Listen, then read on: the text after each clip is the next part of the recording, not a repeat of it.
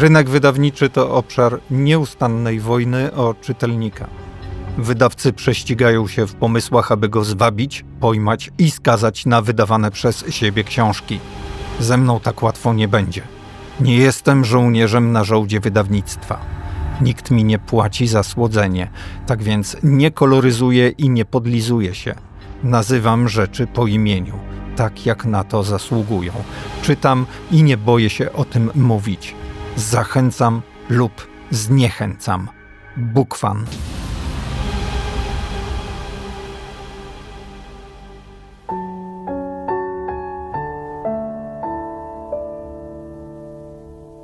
Odkąd pamiętam, Stephen King kojarzył mi się z powieściami grozy i horrorami, a jako, że niekoniecznie jestem zwolennikiem i wielbicielem tych gatunków, twórczość mistrza nie była dla mnie tak znana jak powiedzmy Chandlera czy McLeana. Powiem więcej. Przez bardzo długi okres byłem uprzedzony do pisarstwa Kinga, a to z powodu jego powieści Christine. Co prawda książki nie przeczytałem, ale jako pachole byłem na filmie, który powstał na jej kanwie.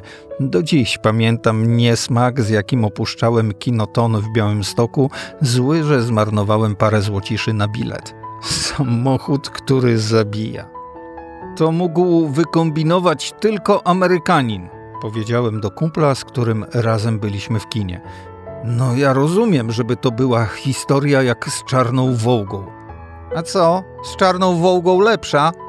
zapytał kolega. Pewnie, że lepsza. Bardziej prawdopodobna. Czarna wołga mm, była tylko znakiem, symbolem, y, po którego zauważeniu na ulicy robiliśmy w gacie ze strachu. Wyobrażaliśmy, że jakiś popapraniec nią jeździ i porywa nieletnich, a co później z nimi robi, to nawet by sam King tego nie wymyślił. Kolega jakoś nie dał się przekonać, może dlatego, że lubił amerykańskie kino, a może, jak wielu innych, bezkrytycznie podchodził do prozy Kinga, uznając go za najwybitniejszego specjalistę od straszenia ludzi. Z czasem dowiedziałem się, że to, co pisarz zawarł na kartach książki, raczej niewiele ma wspólnego z tym, co obejrzałem w kinie. Niestety, scenarzysta i reżyser dali przysłowiowego ciała Aż dziw, że King zgodził się na zachowanie oryginalnego tytułu, który przecież jednoznacznie go identyfikuje z tym kinowym gniotem. Ale o wielkości mistrza przekonałem się dopiero po latach. Ta nieszczęsna Christine zniesmaczyła mi go tak, że dopiero obejrzane fantastyczne lśnienie Kubricka z niezawodnym Nicholsonem otworzyło mi okno na świat wspaniałej wyobraźni i geniuszu literackiego Kinga. Okazuje się, że obecnie pisarz jest najlepiej zarabiającym autorem na świecie. Rok w rok przytula około 50 milionów dolarów. Kwota, o której Remigiusz Mróz może tylko pomarzyć. I to chyłkiem. No dobra. Ja tu gadu gadu, a miałem wam powiedzieć o ostatniej przeczytanej przeze mnie książce Kinga. Ukazała się ona parę tygodni temu, a więc całkiem świeżynka. Trafiłem nań przypadkowo w internecie. To znaczy trafiłem na fragment, który na tyle mnie zaciekawił, że wyskrobałem grosiwo jak kiedyś na bilet do kina na nieszczęsną Christine i kupiłem później. To znaczy kupiłem od razu. Później to tytuł tej książki. Jako, że generalnie nie lubię kurzu i czytam e-booki, świeżo zakupiona pozycja pojawiła się na czytniku 5 minut po wniesieniu opłaty. No cóż, początek weekendu, piątkowy późny wieczór, za oknami słychać szczekanie psów, wichura, deszcz. Trzeba lepszego klimatu dla Kinga? Zagrzebałem się w swojej norce pod kołderką i otworzyłem pierwszą stronę. Czego Kingowi zarzucić nie można? Ano tego, że ciężko się go czyta. Mam w swoim zbiorze autorów, których słowa wciskają się we mnie z siłą wodospadu. Takich lubię najbardziej. Ci, którzy tworzą językiem siermiężnym, liczyć się muszą z tym, że zasnę po kilku stronicach, a w najgorszym wypadku kolejnym razem nazwisko autora będę omijał szerokim łukiem. Bardzo nie lubię zmuszać się do czytania i przez to cierpieć jak jakiś werter. No, z innych powodów, rzecz jasna, ale cierpienie to cierpienie. Wspominałem wam o tym, że mam pewną szczególną skazę charakteru i nie potrafię nie dokończyć raz napoczętej książki? Choćbym nie wiem, jak się z nią męczył i między akapitami przeklinał autora. No, słabe to wiem. Tym bardziej, że w moim przekonaniu czytanie to przede wszystkim rozrywka. Na szczęście przez Kinga się płynie. Umie znajdować słowa i łączyć je w zdania. Nie można mu też odmówić inteligencji i często autoironicznego poczucia humoru.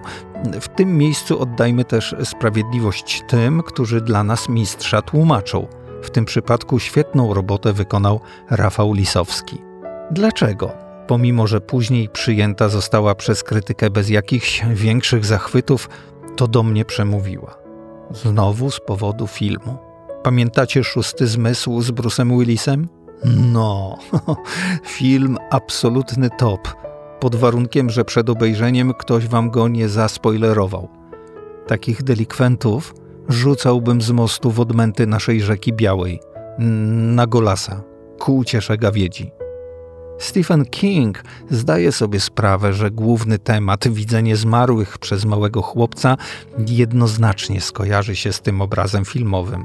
Dlatego nawet w treści książki sam podsuwa taką analogię.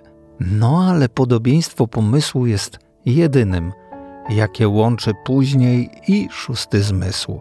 O ile przy filmie łapki pociły mi się momentami ze strachu, o tyle w książce króla horroru grozy i przerażenia jak na lekarstwo.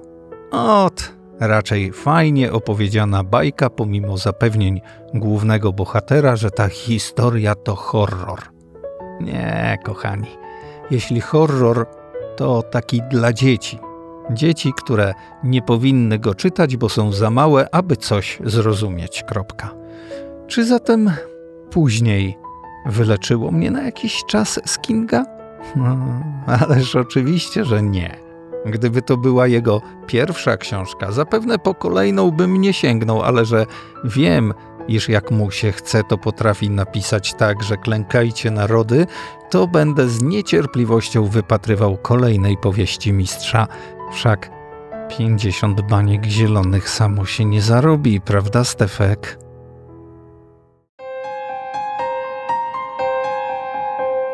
Wracałem z matką ze szkoły do domu. Trzymała mnie za rękę. W drugiej dłoni ściskałem swojego indyka, jednego z tych, które zrobiliśmy w pierwszej klasie tydzień przed świętem dziękczynienia. Byłem z niego taki dumny, że z radości prawie waliłem w gacie. Bo wiecie, kładło się rękę na kawałku brystolu i obrysowywało świecówką. Tak powstawał ogon i tułów. Z głową każdy musiał radzić sobie sam. Pokazałem rysunek mamie, a ona na to, że tak, tak, tak, jasne, jasne, naprawdę super, ale właściwie to chyba nawet go nie widziała. Pewnie myślała o jednej z książek, które próbowała sprzedać. Opchnąć produkt, tak o tym mówiła. Bo musicie wiedzieć, że mama była agentką literacką. Dawniej zajmował się tym jej brat, wujek Harry, ale przejęła od niego interes na rok przed tym momentem, o którym wam teraz opowiadam. To długa historia i trochę dołująca. Użyłem zieleni leśnej, bo to moja ulubiona kredka. Wiedziałaś o tym, prawda? Zapytałem. Prawie doszliśmy do naszego budynku. Znajdował się tylko trzy przecznice od szkoły. Ona na to, że jasne, jasne i jeszcze młody, jak wrócimy, to pójdziesz się pobawić albo pooglądasz Barneya albo magiczny autobus, bo ja muszę obdzwonić milion osób. Wtedy to z kolei ja odpowiedziałem, że jasne, jasne, a ona szturchnęła mnie łokciem i uśmiechnęła się. Uwielbiałem wywoływać uśmiech u matki, bo nawet jako sześciolatek rozumiałem, że traktuje świat bardzo poważnie. Później dowiedziałem się, że było tak między innymi z mojego powodu. Podejrzewała, że wychowuje wariata. Dzień, o którym wam opowiadam, to ten, kiedy uznała, że jednak nim nie jestem, czyli w pewnym sensie musiała poczuć ulgę, a w pewnym sensie wcale nie. Nie rozmawiaj o tym z nikim, młody, powiedziała mi później tamtego dnia. tylko ze mną, albo nawet ze mną nie, dobra? Odparłem, że dobra. Kiedy jesteś mały i chodzi o twoją mamę, na wszystko mówisz, że dobra. Chyba, że chodzi o pójście spać, ma się rozumieć. Albo o dojedzenie brokułu. Doszliśmy do naszego budynku. Winda dalej była zepsuta. Można by mówić, że gdyby działała, sprawy potoczyłyby się inaczej. Ale ja tak nie uważam. Uważam, że ci wszyscy, którzy twierdzą, że o życiu decydują nasze wybory i drogi, jakimi idziemy, pieprzą bzdury. No bo słuchajcie, czy windą, czy schodami, i tak dotarlibyśmy na drugie piętro. Kiedy kapryśny los wskazuje cię palcem, wszystkie drogi prowadzą w to samo miejsce. Tak właśnie uważam. Może zmienię zdanie, gdy będę starszy, ale wątpię. Pieprzona winda, rzuciła matka, a potem. Nie słyszałeś tego, młody? Czego nie słyszałem?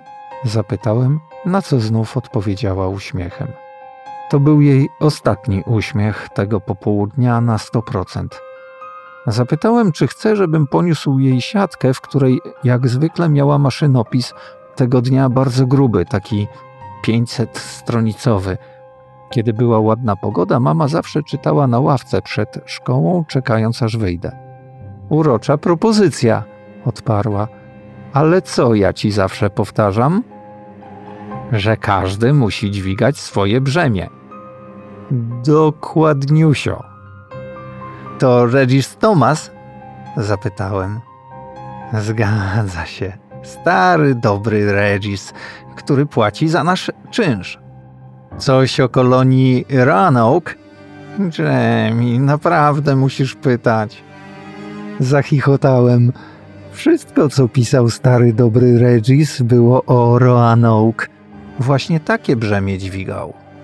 Weszliśmy schodami na drugie piętro, gdzie znajdowały się dwa mieszkania plus nasze, trzecie na końcu korytarza. Nasze było najelegantsze.